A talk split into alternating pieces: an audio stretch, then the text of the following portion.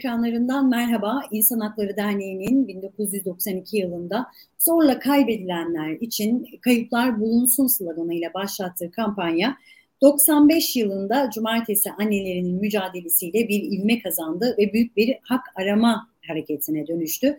Cumartesi annelerinin Galatasaray Meydanı'nda süre gelen hak mücadelesine dönük engellemelere ilişkin Hafıza Merkezi, Medya ve Hukuk Çalışmaları Derneği, Türkiye İnsan Hakları Vakfı ve Uluslararası Af Örgütü'nün hazırladığı raporu konuşacağız bugün. Uluslararası e, Af Örgütü Kampanyalar Direktörü Damla Uantaş ve Hafıza Merkezi'nden Avukat Özlem Zıngıl yayın konuğumuz olacak.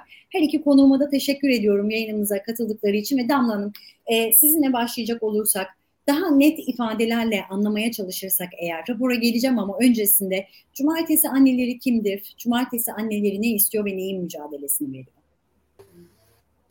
E, merhabalar öncelikle. Cumartesi anneleri aslında sizin de bahsettiğiniz gibi 1995 yılından bu yana e, kay, zorla kaybedilen yakınlarını arayan bir grup. Ve e, zorla kaybetmelerin biliyorsunuz ki en önemli şeyi aslında yakınlarına geride bir mezar bile bırakmamasıdır. Dolayısıyla 1995 yılından beri bir mezar yeri olarak Galatasaray Meydanı'na çıkıyorlar her cumartesi saat 12'de ve kayıpların akıbetini soruyorlar. Ee, burada da öncelikle tabii ki kayıpların e, akıbetini öğrenmek istiyorlar. Ee, ne yapıldığını öğrenmek istiyorlar. Ee, bunun dışında devletin sorumluluğunu kabul etmesini istiyorlar. Bu zorla kaybedilmelerdeki devletin sorumluluğunu e, kabul etmesini ve tabii ki kabul ettikten sonra da bu cezasızlıkla mücadele etmesini istiyorlar. Aynı zamanda da Birleşmiş Milletler'in zorla kaybedilmelerin önlenmesi sözleşmesine taraf olmasını istiyorlar Türkiye'nin. Bu taleplerle 1995 yılından beri her e, cumartesi Galatasaray Meydanı'ndalar.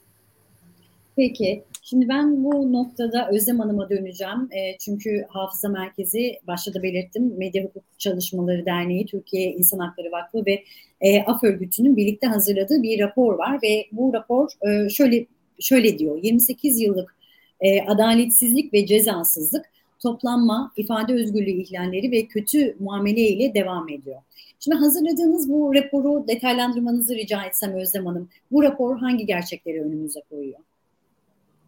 Ee, bu rapor sizin de paylaştığınız gibi toplanma ve gösteri özgürlüğü e, özelinde bir grup ihlali ve bu e, ihlal gerçekleşirken ona eşlik eden diğer ihlalleri ortaya koyuyor. Aslında e, hem idari makamların e, hem de e, kolluğun, idari makamların e, kararlarını uygulayan kolluğun davranışını biz gözlüyoruz. Yaptığımız gözlem toplantı gösteri özgürlüğü üzerinde. Ee, Anayasa Mahkemesi e, biraz önce Damla'nın bahsettiği gibi cumartesi anneleri insanları 95 yılından beri Galatasaray Meydanı'nda ama belli dönemlerde kesintilere uğradı meydanda olmaları ve bu kesintiler hep bir yasaklama kararıyla gerçekleşti. Son kesinti 2018 yılında olmuştu 700. hafta e, buluşmasında ve bu buluşmadan sonra e, Anayasa Mahkemesi'ne yapılan başvurularda gerçekleşen ihlallerle ilgili Anayasa Mahkemesi'ne yapılan başvurularda Anayasa Mahkemesi iki ayrı kararında toplantı gösteri özgür, yürüyüş özgürlüğünü e, inceledi ve ihlal kararı verdi. E, bugün bizim gözlemci kurumlar olarak e, tekrar gözlem yapmamıza, meydana bizim de gözlemci olarak gitmemize neden olan da bundan sonraki süreç oldu. Aslında bu süre... şunu da ekleyeyim o zaman Özlem Hanım. Ee, şimdi sizin yaptığınız 10 haftalık bir gözlem var. Ee, ve bu gözlemin temel tespitleri de bu raporun içerisinde yer alıyor.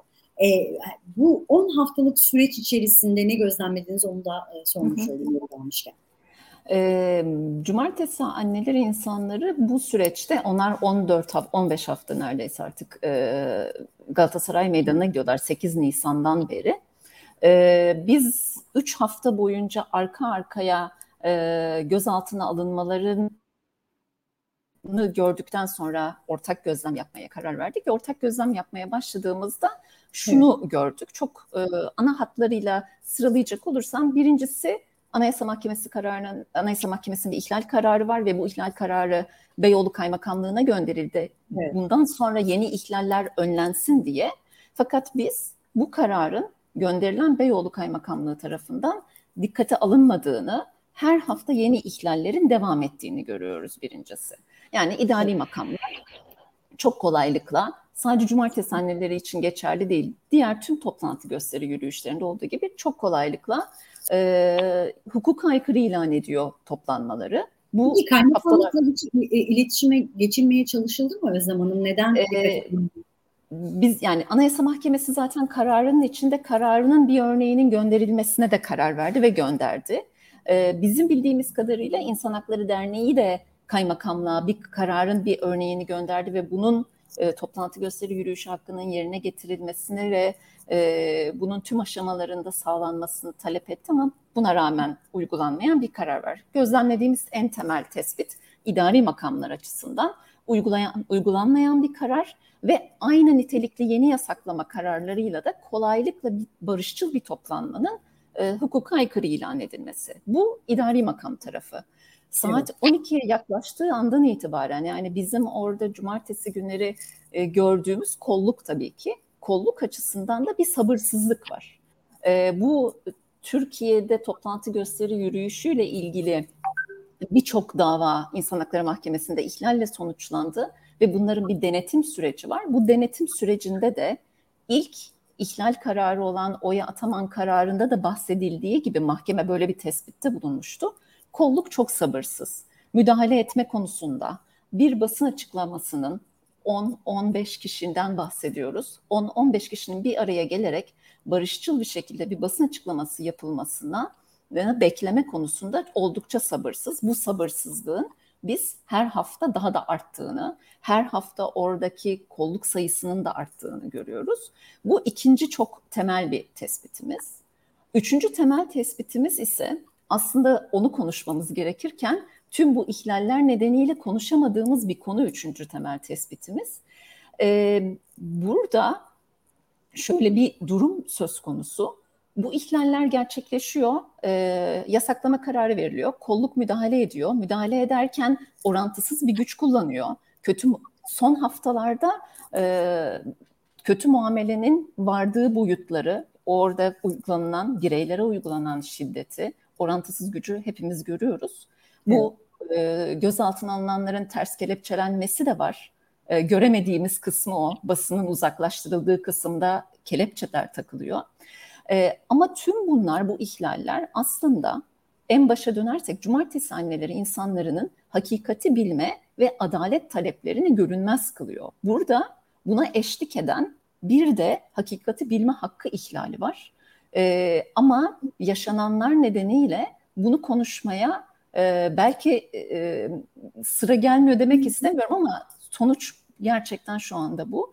E, toplanma gösteriyor özgürlüğü ihlali var ve bunu buna eşlik eden kötü muamele var ve tüm bunlar e, hakikati bilme hakkının ihlal edilmesiyle de e, devam ediyor. Peki.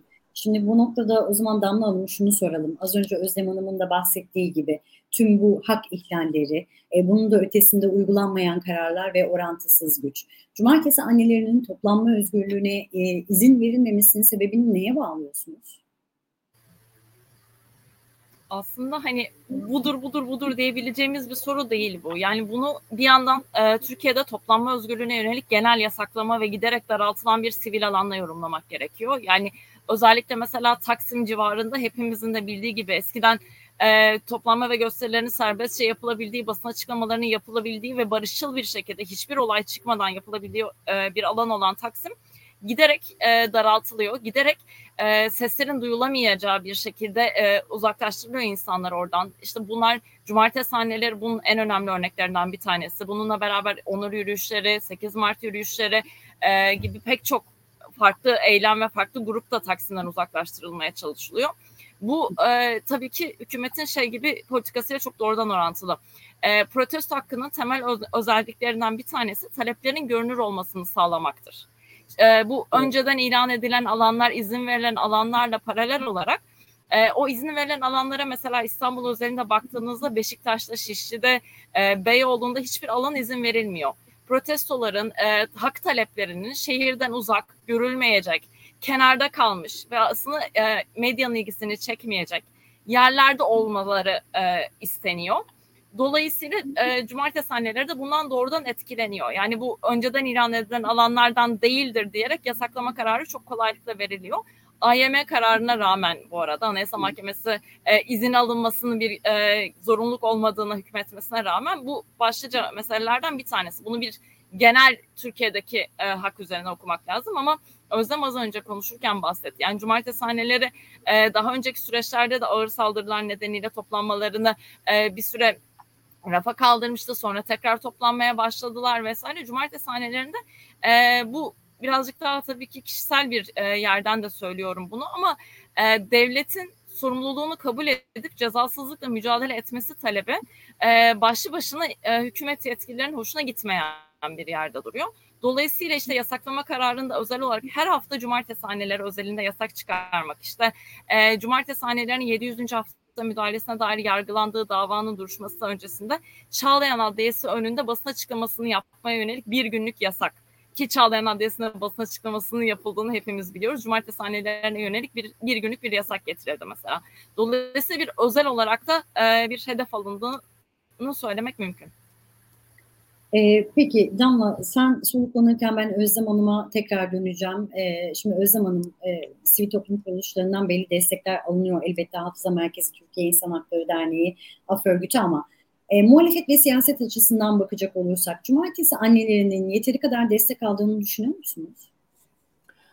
Ee, burada şöyle düşün yani e, eğer biz desteği o meydana mı e, sınırlıyoruz, o gün orada bulunmaya mı sınırlıyoruz? Yoksa bunun ötesinde bir e, destekten mi bahsediyoruz? Bir de bunu düşünmek gerekir e, bence. E, konuşma hem Damla hem ben biraz bahsettik. Tekrar hatırlarsak çok net bir talebi var cumartesi anneleri insanların. 1995 yılından beri tek bir talepleri var ve e, bu örneğin Anayasa Mahkemesi kararının Anayasa Mahkemesi tarafından da tespit edilmiş bir durum. E, Anayasa Mahkemesi e, yıllardır bunu 95'ten beri tek bir talebi olduğunu, bu talebi Galatasaray Meydanı'nda dile getirdiklerini ve bunun e, Damla'nın biraz önce bahsettiği gibi izin alınmasını gerektirmeyecek bir durum da olduğunu söylüyor. Bu talep e, kaybedilen sevdiklerimiz nerede? Sadece bunu soruyorlar ve bununla birlikte de e, Damla'nın söylediği hesap verilebilirliği istiyorlar. Çünkü burada e, göz altındayken yani devletin e, himayesindeyken, devletin koruma, koruma alanındayken kaybedilmiş insanlardan bahsediyoruz biz. Onlar da sevdiklerimiz nerede diye soruyorlar. E, bunu sormak için de Galatasaray Meydanı'na gidiyorlar ve temel bir haklarını, toplantı gösteri yürüyüşü haklarını kullanmak istiyorlar. Anayasa Mahkemesi kararına rağmen şu anda olan durum bu. Daha önce de benzer şeyler yaşandı. Anayasa Mahkemesi kararına rağmen de yetkili makamlar hayır ben kullandırtmıyorum bu temel hakkınızı diyor. Bu hakkını kullandırmazken yine Damla'nın bahsettiği gibi biraz önce e, sadece saat 12'den yarım saat önce 12'den bir saat çünkü yarım saatlik bir eylemden bahsediyoruz gerçekleştiği dönemlerden hatırlarsak. O ana sıkışmış bir yasaklama kararı yok bizim önümüzde. Ee, bazen avukatlara gösteriliyor ifade sürecinde, bazen gösterilmiyor. Gösterildiğinde 15 gün yasağın olduğu haftalar oldu. Bir gün boyunca konulan yasaklardan bahsediyoruz ve bu yasaklar Galatasaray Meydanı'na konulmuyor. Taks kararların içeriğinde şöyle geçiyor. Taksim Meydanı, çevresi, İstiklal Caddesi. Doğal olarak burada evet biz Galatasaray Meydanı'nda cumartesi haneleri insanlarını konuşuyoruz ama herkesin hakkı ihlal ediliyor. Bu yasaklama kararları hiçbir yerde yayınlanmıyor. O yüzden çok temel olan, e, temel bir hak olan toplantı gösteri yürüyüşünü kullanmak isteyen herkes de aynı e, hukuksuz eylemin içinde bulabilir kendisini. Çünkü hiç kimsenin bu yasaklama kararlarından haberi yok. Bu yasaklama kararları sadece cumartesi anneleri için değil, herkes için veriliyor. Bunu bir kenarda tutarsak... Yani soru... mesele sadece cumartesi annelerinin meselesi olmaktan çıkıyor bir noktada. Ee, onların meselesi olmaktan çıkıyor. Eğer onların meselesi diye düşünürsek de biz e, cumartesi annelerinin saat 12'de orada toplanmasın da gitsin başka bir yerde basın açıklamasını yapsın. İade şubenin içinde de yapılabilir. Başka herhangi bir yerde de yapılabilir. Bu hakkın nasıl kullanılması gerektiğine. Bunların hepsine tamamsak 8 Mart'ta yürüyüşün yapılmamasına da tamamız. Onur yürüyüşün yapılma, yürüyüşünün yapılmamasına da tamamız. Sadece Galatasaray Meydanı ya da Taksim değil. Biraz daha ileriye gidelim. çok yakın birkaç hafta önce yaşandı. E, Harbiye'de de eşitleneceksiniz diye protesto hakkının e, kullanılmamasına da mı tamamız? E, bu desteği o yüzden yani cumartesi anneleri insanları kesinlikle yalnız değil. E, ama burada bizim e, düşünmemiz sivil toplum kuruluşlarının ötesinde siz muhalefet, siyaset ve daha geniş bir e, toplum paydasından bahsettiniz. Hepimizin düşünmesi gereken buna tamam diyorsak o zaman her şeye de mi tamamız? E, bu soruyu önce kendimize sorup buradan e, sorumluluğumuzu da kabul etmemiz gerekiyor. E, şimdi sizin de söylediğiniz gibi aslında yakınlarını arama haklarını e, kullanamaması bir noktada bunun ne kadar farkındalık e, yarattığı sorusunu sorgularken benim o raporda dikkatimi çeken bir diğer nokta da şiddetten nasibini alan gazeteciler. Şimdi bu noktada Damla Hanım'a bir kez daha söz vereyim. Şimdi Taksim'e gelen cumartesi annelerini haberleştirmeye çalışan gazetecilere dönük baskılar da bu raporun içerisinde yer alıyor. Bu konuda ne söylerdiniz Damla Hanım? Yani e, gazetecilere yönelik baskıları aslında şuradan başlamak gerekiyor. E, cumartesi annelerinin gözaltına alınma pratiğinde şöyle bir şey var. Yani bunca haftadır yaygın olarak yapılan uygulama cumartesi anneleri meydanına çıkmaya çalıştıklarında ya da çıktıklarında e, bir polis çemberine alınıyorlar. Bunun hemen ardından ikinci sıra bir polis çemberi daha çekiliyor etraflarına. Bu ikinci e, polis çemberinin temel motivasyonu gazetecileri, görüntü almak isteyenlere, oradaki hak ihlalini e, görüntülemek isteyen herhangi bir birini engellemek, görüntülenmesin, bilinmesin, görülmesin, duyulmasın. Burada ne olduğu da çok anlaşılmasın. Hani istiklalden haberi yokken geçen bir insan da polisi görüyor ama ne oluyor ne bitiyor çok da anlayamasın. Oradaki insanların konuşmaları duyulmasın diye yapılıyor bu. Bundan doğal olarak e, en çok etkilenen de gazeteciler oluyor. Çünkü gazeteciler ilk anda direkt çemberin dışına itiliyorlar. O süreçte işte çemberin üzerinden görüntü almak isteyen gazetecilerin darp edildiğini biliyoruz. E, görüntü almasının engellendiğini biliyoruz. Müdahale edildiğini özellikle hani takip edilip izlenip sonrasında da işte e, peşine bırakılmadığını da biliyoruz. O eylem bitip de herkes dağılıncaya kadar o gazetecinin peşinde polislerin dolaştığını da biliyoruz. E, bunun paralelinde bir de şöyle bir şey var. Meydanı gören etraftan e, daha başka noktalardan daha işte özel işletmelerden vesaire görüntü alınacak noktalarda da e, mesela gittiğinizde polisin beklediğini orada o noktada beklediğini o yerin girişinde beklediğini vesaireyi de görebiliyorsunuz. Dolayısıyla aslında temel motivasyon hani bilinmesin ve duyulmasın üzerine kuruluyor ama gazeteciler bundan çok şiddetli bir şekilde etkileniyor. En son geçen hafta e, gazeteci Dilan Şimşek çok e, sert bir şekilde e, müdahaleye maruz kaldı e, ters kelepçe yapılmak istendi. Sonrasında yaptığımız görüşmede raporumuzda da yer veriyoruz zaten. E, bir polis memurunun telefonu karıştırdığını, eylem görüntülerini sildiğini e, aktardı. Çünkü e, polis müdahale yani iterek yere düşürdü polis. E, ve o sırada elinde olan cep telefonu açık bir şekilde yere düştüğünde polisin bunu alıp karıştırdığını e, raporumuza ekledik. Bu tarz uygulamalar da yapılabiliyor. E, bir önceki hafta milletvekilleri Sezgin Tanrıkulu e, ve Ahmet Şık cumartesi anneleriyle beraber meydandaydı. Gözaltı işlemi tamamlandıktan sonra bir basın açıklaması yapmak istediler. Onların taleplerine yönelik e, ikisi bir basın açıklaması yapmak istedi ve bu basın açıklamasına da müdahale edildi. Ve e, olan şey iki tane milletvekilinin konuşması ve gazetecinin etrafında görüntü almasından ibaret olan bir etkinlik. Bir anda polis çemberi alındı. Orada gazeteciler iteklenerek uzaklaşılmaya çalışıldı. Arbede yaşandı. Yere düşen gazeteciler oldu. E, bir şekilde vücudunda e, morluklar oluşan gazeteciler oldu. Ve hani o en ufak bir basın açıklaması bile takip edilmesin, buraya dair hiçbir şey görüntülenmesin gibi bir motivasyonla hareket ediyor polis. Ee, tabii ki bu konuda da hani çağrımızı da şeyden altın çizmek gerekiyor. Yani bir, gazetecilerin tabii ki işini yapmasını engellemeyin. Gazeteciler işini yapsın, biz bu haberleri duyalım. Cumartesi annelerin hak taleplerini daha fazla duyuralım, daha fazla görünür kılalım. Ee, ve bugün buraya gelmemiz nasıl sebebi de Galat e, Cumartesi annelerin yeri Galatasaray Meydanı'dır. E, Anayasa Mahkemesi kararını uygulayın. E, burada Damla'ya küçük bir ekleme yapmak istiyorum. Yani bu yayını izleyen ve İstanbul'da olmayan ya da İstanbul'da olup da o saatlerde oralarda olmayanlara daha net e, tahayyül edilebilmesi için ilk haftalarda bu Damla'nın bahsettiği gazetecilerin e, ikinci çember dışına atılma meselesinde o ilk çemberle cumartesi annelerinin bir alındığı ilk çemberle ikinci çember arasında 2-4 metre arasında bir mesafe vardı. Doğal yani olarak çekim yapmak yani çekim görüntüde alınabiliyordu ama duyulabiliyordu. Çünkü orada e, ki konuşmalar gerçekten e, hukukun nasıl tanınmadığını e, net bir şekilde sizin duymanızı sağlayacak konuşmalar yaşanıyor orada. Sonra son haftalarda bu çember gittikçe genişledi. Son haftalarda 50 metre bu iki çember arasındaki mesafe.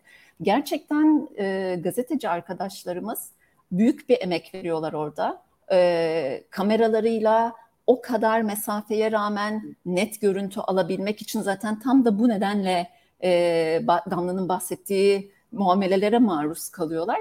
Ama 50 metrede hiçbir şey duyamıyorsunuz. Orada ne olduğunu anlayamıyorsunuz.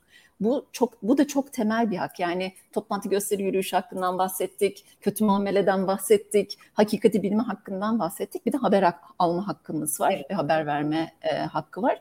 Bu da çok büyük bir tehdit altında ve orada o gazeteciler uzaklaştırılırken öyle bir hava yaratılıyor ki yani düşünün biz 10 e, haftadan biraz fazla 11. haftayı geride bıraktık. Biz bu kadar sürede tanığız. Bu sürede sokak köpeği iki kişiyi ısırdı orada. iki milletvekilini ısırdı. Yani oradaki atmosferi, e, yaratılan o arbede anını e, bu uzaklaştırılan metre ve sadece bir sokak köpeğinin iki kişiyi e, orada destek olmak için bulunan iki ayrı milletvekilinin farklı zamanlarda ısırdığı e, gerçekten tahayyülü e, zor ama tahayyül edilmesi gereken bir e, durum yaşanıyor Galatasaray Meydanı'nda. Peki. Özlem Hanım, e, Damla Hanım çok teşekkür ediyorum yayınımıza katıldığınız için. Cumartesi annelerinin Galatasaray Meydanı'nda süre gelen hak mücadelesine dönük engellemeleri Uluslararası Af Örgütü Kampanyalar Koordinatörü Damla Uantaş ve Hafıza Merkezi'nden Avukat Özlem Zingıl ile konuştuk. Görüşmek dileğiyle. Çok teşekkür ederim.